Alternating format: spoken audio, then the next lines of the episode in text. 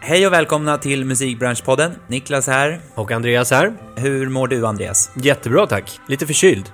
Du då? Jag mår bra, jag är inte förkyld. Ja.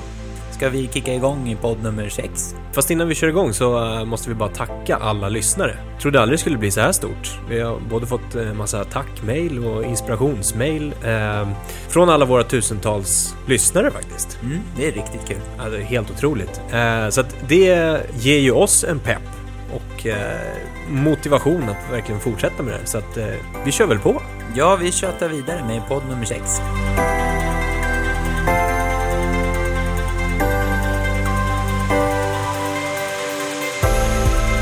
Jaha, hur har veckan varit då Niklas? Ja, nej, den har varit bra. Eh, Lite sliten från helgen bara. Jaså? Jag var på se- svensexa med eh, 14 andra grabbar. Vi var i Gävle. Eh, Så ni kan ju tänka er hur jag känner mig. Härligt.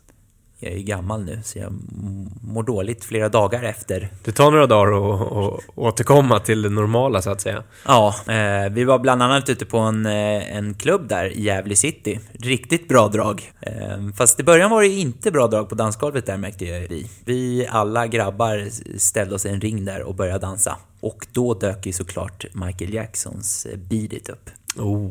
Alltså Michael Jackson, Andreas. Han eh, har ju varit en väldigt stor idol för mig. Ja, mig med. Alltså jag har älskat den mannen väldigt länge. Jag hade ju affischer överallt i, i rummet. Till och med en affisch eh, ovanför min säng. Så jag kunde kolla han i ögonen och säga godnatt. Jag kunde inte kolla han i ögonen för han hade solglasögon på mina affischer. Ja, Nästan alla. Eller jag hade en, en speciell affisch också. När jag var sex eller sju tror jag. Ja, Eh, också ovanför sängen såklart. Ja. Hade väl någon tiger någon gång på en plansch också tror jag. Ja, Eller en panter var det väl? Panter. Den, eh, den hade jag faktiskt. Jag kommer ihåg en morgon när jag satt och käkade frukost inom skolan så kom ju pappa ner till köket och eh, visade upp någonting som såg ut som biljetter. Och så började han nynna på Smooth Criminal. Då förstod jag direkt att han hade köpt biljetter till eh, spelningen då som skulle äga rum på Stadium. Det här var 1992. Coolt. Riktigt ballt. Kan du illustrera lite hur, hur det lät när farsan kom ner och, och nynnade? Ja, jag kan ju först eh, försöka visualisera lite. Han kom ju ner i bara kalsonger, så ställde han sig liksom i position och log mot mig. Sedan så började han då nynna på introt till Smooth Criminal. Dum, dum, da, da, dum, dum, da, da, dum, dum. Ja, ni vet.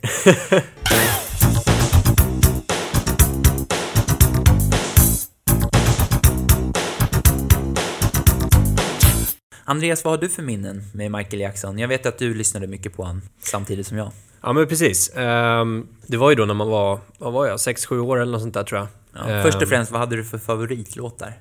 Oj, jag hade ju ett blandband. Jag hade inga originalskivor eller originalkassettband, utan jag, jag hade blandband som jag hade fått av grannen. Så det var en A och en B-sida och A-sidan var ju självklart bäst. För det var ju de, då hade vi börjat med de bästa. Eh, det var ju Billie Jean, det var Smooth Criminal, det var Thriller. Eh, ja men det var väl de största. Jag gillar ju också Man in the Mirror. Den är kraftig alltså. Den är, jag diggar den som fan.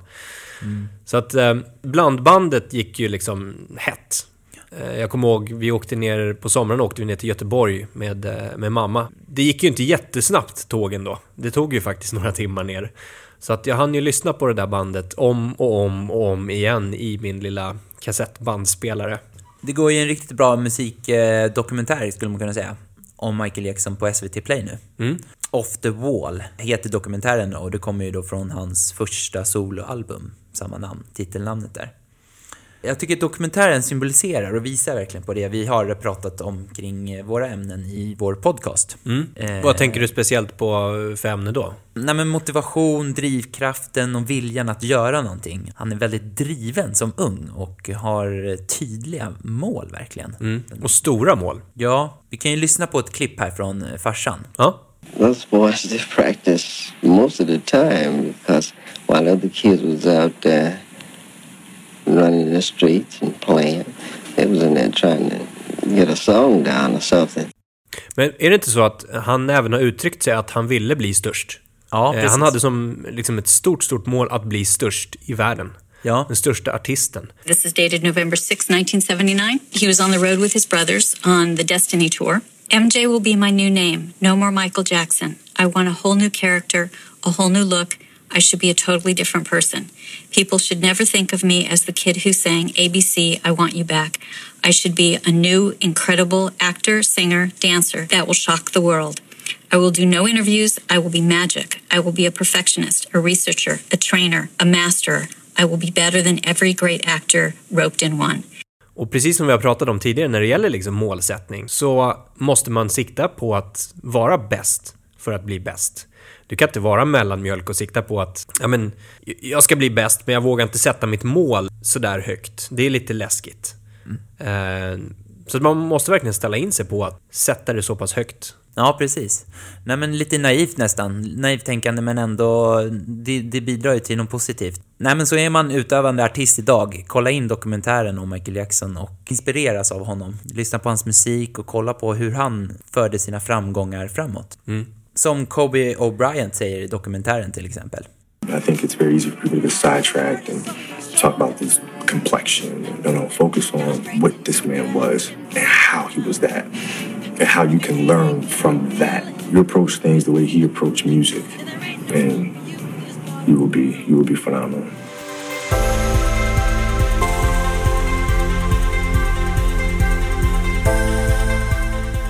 Snygga skor då, Andreas. Tack så mycket. Svarta och fina. Mm, de är nya. Jag tänker, eh, de är väl ganska representativa för det jag jobbar med. Ja, nej men det tycker jag. Snygg skjorta, fina jeans och så ett par sköna streetdojor. Ja, men precis. Vi har ju snackat om det här många gånger, du och jag. Ja, hur man ska klä sig på jobbet. Eh, Man eh, träffar ju massa människor varje dag. Och det skulle bli underligt om vi kom klädda som sopgubbar när vi går på möten. Ja, det skulle ju ge lite reaktioner dock. Ja. Vi kanske ska pröva. Eller som de mattanterna som gick i såna fina uniformer. i Med skolan. hårnät. I skolan, ja precis. Ja, nej men som i alla branscher så klär vi oss människor olika. Vi går in i olika roller. De i serviceyrkena har ju sina roller och sina klädkoder. De i byggbranschen har sitt sätt, sitt, sina, sin stil. Det är intressant att se hur, hur vi människor gör olika val och så blir man sammansatt med andra människor och grupper i, i en speciell eh, bransch. Och man märker att, ja, ah, du har ju ungefär samma stil som jag. Kul. Nej men om vi eh, kollar på musikbranschen då, Andreas. Det är enkelt för oss att kategorisera och syna vissa stereotyper i musikbranschen. Om vi ska avslöja våra fördomar här Mm, och nu. det där är ju skitintressant alltså. Ja. Vad är det första du tänker på när jag säger olika arbetsroller till exempel i Okej. musikbranschen? Ja, spännande. du det där är ju skitkul. Ja. Och det här får vi då eh, berätta för lyssnarna att det här är alltså ett litet test kan man väl säga. Och det behöver inte vara så att alla personer är så här. Varken negativt eller positivt. Nej, precis. Men vi kör! Ja, ska vi börja med en A&R på ett skivbolag? Knepig, säger jag då. Knepig. Ja, det var det första som dök upp sådär.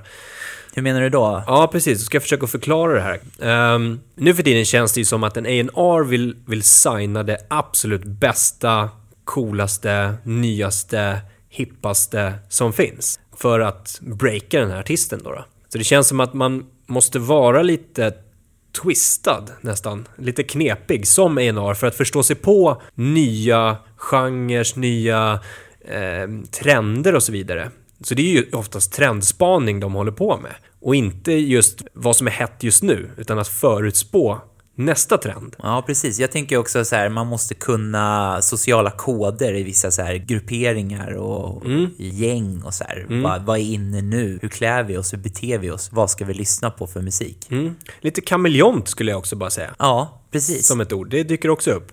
Ja, så knepig, kameleont. Eh, Social. Knepig, social kameleont. ja, bra sammanfattning. Ja. Alright, om vi går vidare då. Och jag säger bokningsagent. Ja, men direkt positiv energi, tänker jag. Ja. De vänner och de, de folk jag känner i just bokningsbranschen är ju väldigt positiva och glada människor. Rent generellt. Det är ju folk som kanske har stått på scen innan också. Själv har varit artist och sådär. Som kan mycket om branschen. De har också klubbat och arrangerat väldigt mycket innan. Om vi ska prata klädkoder och visst sätt de förhåller sig till. Hmm, ja, jag vet inte riktigt. Eh, typ som oss kanske?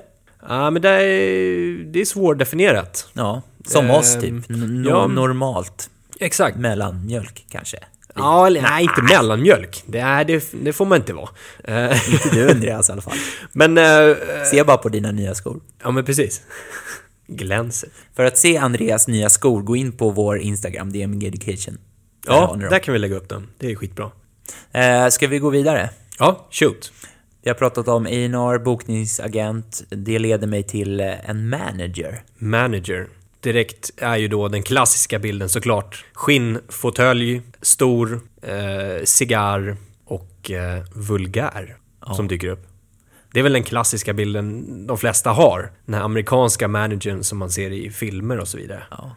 Någon man som det kretsar kring mycket nu i media är ju Donald Trump. Mm, Jag tänker mig typ han. precis. Det är lite den affärsmannaskapet som man måste ha som manager. När han pratar så är det väldigt högt. Det är bara utropstecken efter varenda mening.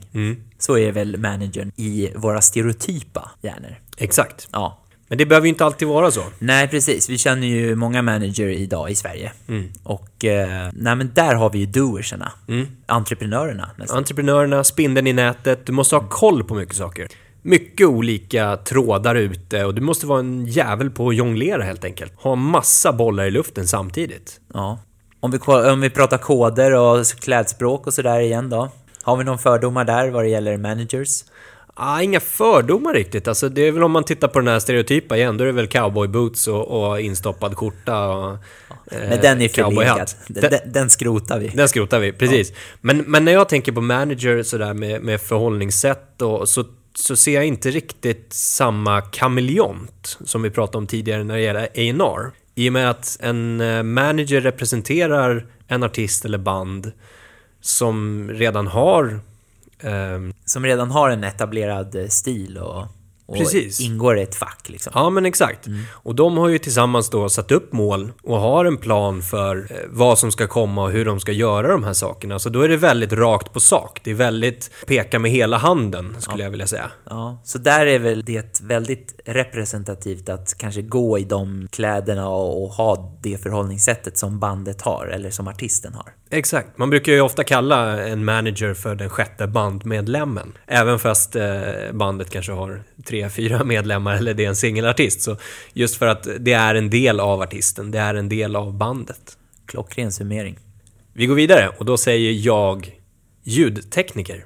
Oj, ja, ljudtekniker. Jag, jag, jag tänker direkt två olika typer av personer. Mm. Eh, Medelålders man, 40 år, eh, trekvartsbrallor, har jobbat med ljudteknik hela sitt liv, driver egen firma. Ja. De flesta gör väl det Ja. i musikbranschen. Ja.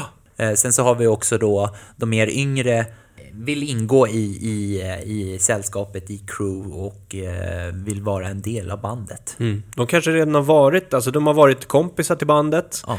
ehm, sen tidigare och började med att hjälpa dem på fritidsgårdarna eller på klubbspelningarna och har eh, bildat ett, ett eget sound tillsammans med bandet. Så det är oftast, eller bandet, bandet eller artisten. Så det är ofta så att ett ett band eller en artist ofta vill åka med samma ljudtekniker just för att eh, det är en del av soundet. Precis. Jag kommer ihåg till exempel, jag har ju åkt eh, turné med Peter Jöback eh, och då har vi en mycket etablerad och eh, grym ljudtekniker, Skuggan kallas han för, eh, som har åkt med Peter Jöback väldigt många gånger. Och eh, jag var med en, en Skuggan en annan gång på någonting, kommer inte riktigt ihåg vad det var. Men då ringde Peter Jöback från London tror jag det var. Eh, och då fick Skuggan då förklara för ljudteknikern på plats i London vad han ville ha för eh, ljud i sina lurar, det vill säga sin medhörning. Eh, vad han skulle skära bort, vad han skulle ge mer av och så vidare. Och så vidare. Full kontroll. Full kontroll, så att han fick styra då eh, ljudet, medhörningen, eh, på länk kan man säga. På distans. På distans. Ja, Allt går att göra på distans. ja klockrent. Ljustekniker. Går det hand i hand med en ljudtekniker? Eller vad säger du Andreas? Ja, men lite grann. Lite samma sak här, att, att eh, det kan ha varit en person som åkt med artisten eller bandet tidigare, hjälpt dem på fritidsgårdarna och utvecklat en show tillsammans, en, en förståelse för musiken. Men, men lite samma där att, att eh, det är en del av bandet eller att det är någon som har gjort det här, trekvartsbrallan som vi sa eh, tidigare, som har gjort det här eh, väldigt, väldigt länge, som kanske spelar själv. Ja. Just när det gäller ljustekniker så finns det också oftast två stycken olika typer. Den ena är den här lite mer rough och är med och roddar och, och bär saker och ting och lyfter upp lampor och, och så vidare. Och sen har vi en som är vita handskarna på. Ja, just det, eh, Som precis. Mer är, eh, ja men bara styr ljuset helt enkelt. Det är inte mer riktigt och, och, och kopplar och lyfter de tunga. Står och pekar. Står och pekar. Ja. Eh, och, och programmerar ljuset helt enkelt. Ja, jag är helt med vad du menar. Ja, okej. Vi går vidare då, Niklas. Mm. Ehm, ett ord, det första som dyker upp, det måste svara inom 1,4 sekunder. Chaufför. Engelska tänker jag direkt på. Engelska? Är det för att det är många engelsmän som... Nej, det är framförallt tyskar som brukar köra de här stora turnébussarna. Jag har ju varit med i några turnéer när vi har åkt sådana här tourbuses, stora nightliners, och då är det oftast tyskar som kör bussarna. Och då får man kommunicera med, med engelska. Okej, det var en eh, långsökt... eh, Ja. En tysk och du tänker på engelska. Ja. Ja. Eh, nej men det var det första som dök upp. Vad mer kan jag säga rent generellt? Eh, ja, busschaufförer är ju väldigt trevliga. Och chaufförer, eh, vare sig det gäller från hotell till eh, gigget, som kör vanliga bilar eller vanar, är också väldigt trevliga och pratglada. De vill gärna sätta på samma musik som den artisten de kör i bilen. Ja, och det, det är positivt eller negativt? Ja, det, är- det är lite smickrande eh, innerst inne, tror jag, hos alla som sitter i bilen. Men man vill gärna skämta om det, att, eh, lite fånigt så. Det blir lite cheesy kanske? Ja, precis. Ja. Eh, Men, men en annan sak just när det gäller chaufförer som jag tänker på är att de är väldigt stolta över sitt yrke. Eh, Och de tar det på väldigt stort allvar.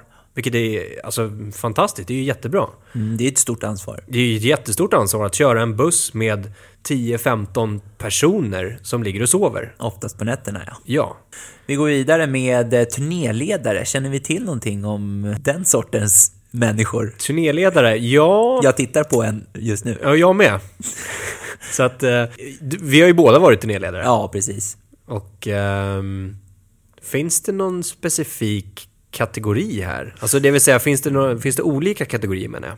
Ja, men om vi ska tänka kring hur man är som person så är det ju kontroll, framför allt, dyker upp hos mig. Man vill ju ha kontroll över läget. Absolut. Man, har, man bestämmer ju oftast över mycket kring saker. Oftast är det ju så när man är turnéledare tycker jag att eh, om det är för ett band eller en artist ehm, så släpper oftast artisten och bandet kontrollen för att de vet att turnéledaren kommer ha koll. Ja, ett klassiskt fenomen. Ett klassiskt fenomen som, ja, i princip alla som jag har åkt med.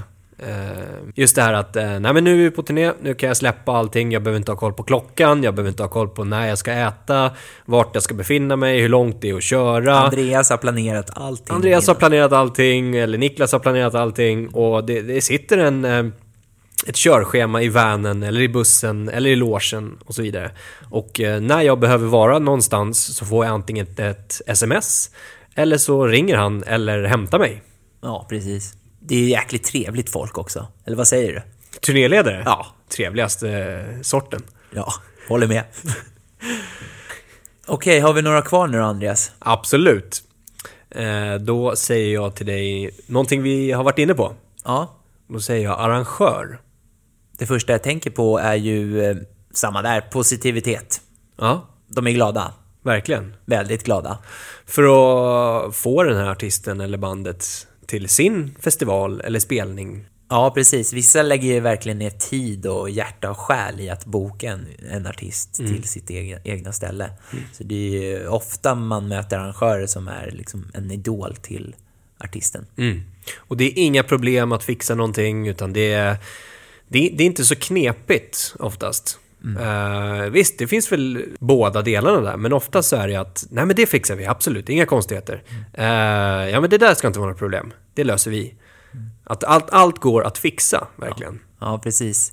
För att eh, generalisera lite och eh, med risk för att dra alla över en kam.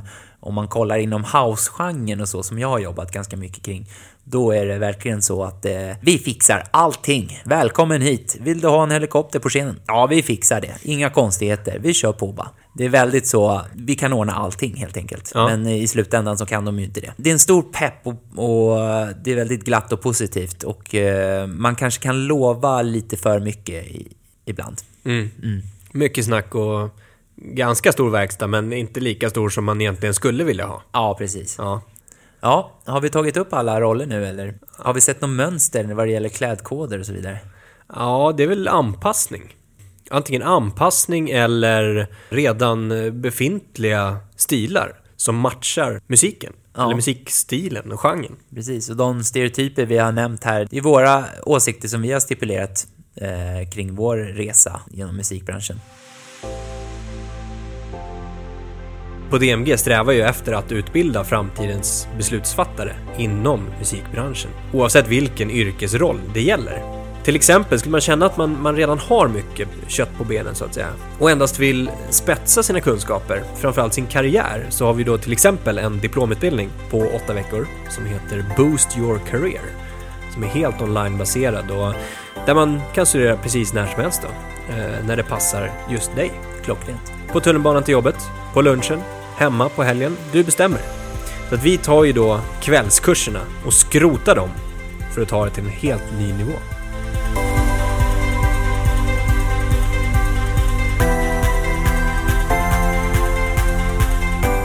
Häromdagen pratade jag med en eh, elev på School of Music eh, som också är artist.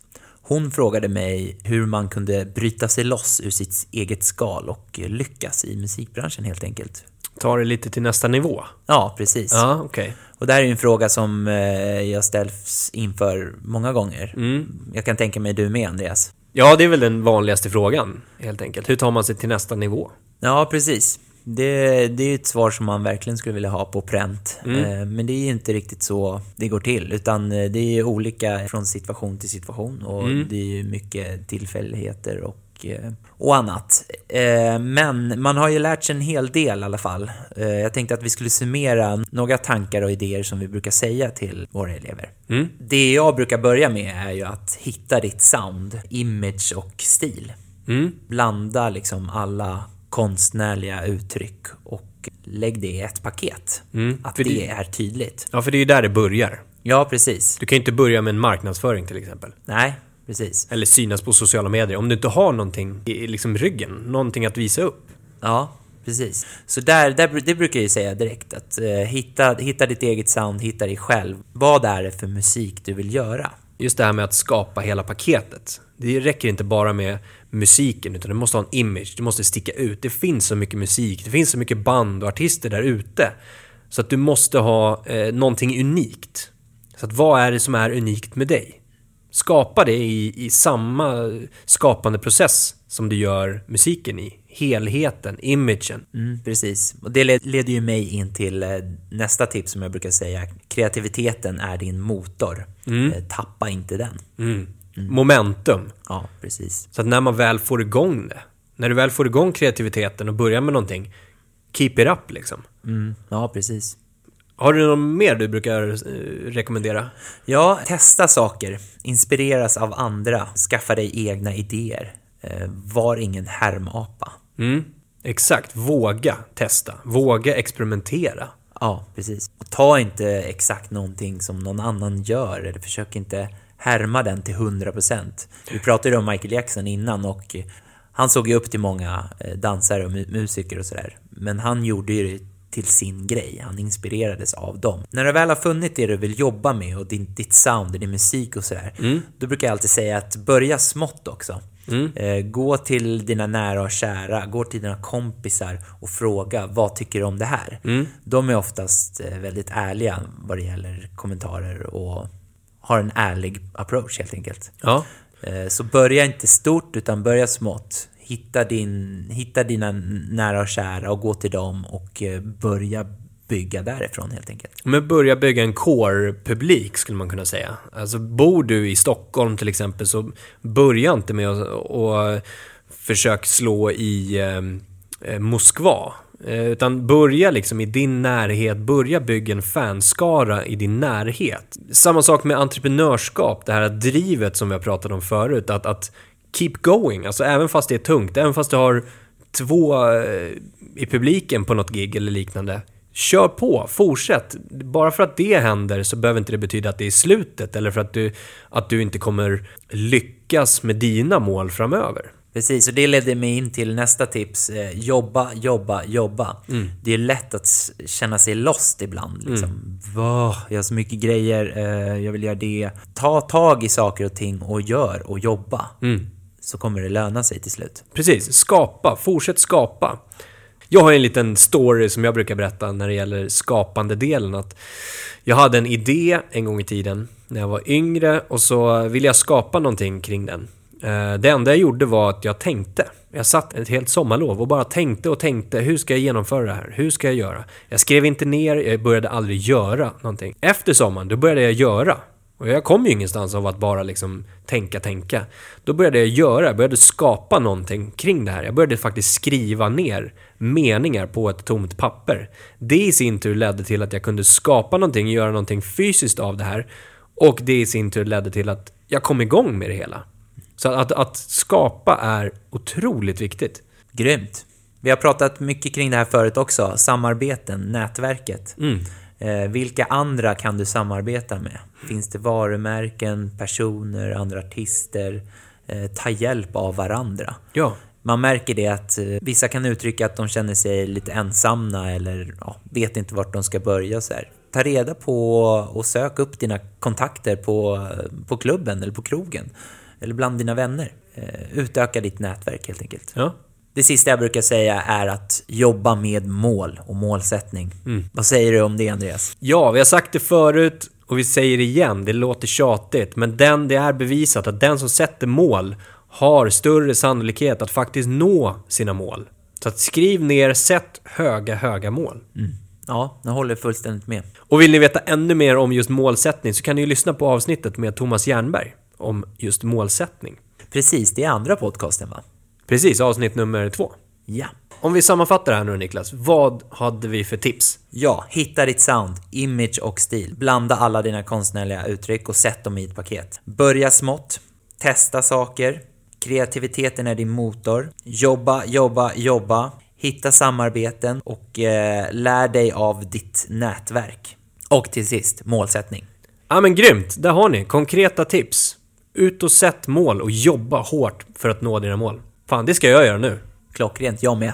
Härligt, vi säger så. Tack för idag. Ha det bra! Hej hej!